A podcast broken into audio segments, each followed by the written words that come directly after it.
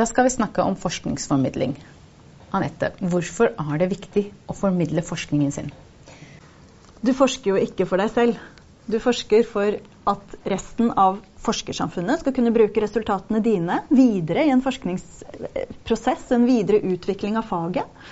Men du formidler også til samfunnet.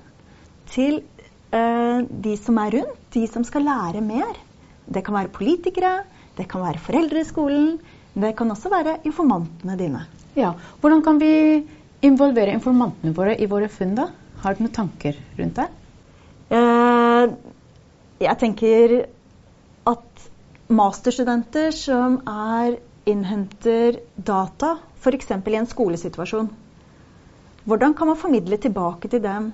De leser jo ikke masteroppgaven. Nei, det tror jeg ikke. Og de leser heller ikke de vitenskapelige artiklene hvis det publiseres noe i ettertid. Kanskje kan man ta og besøke den klassen igjen da, ja. på et senere tidspunkt, når masteroppgaven er ferdig.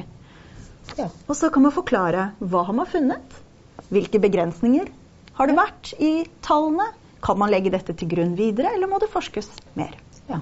Så for å oppsummere, da, hvis jeg har forstått dette riktig, så er det viktig å formidle ikke bare til sine egne, til forskersamfunnet, men også til informantene. Absolutt.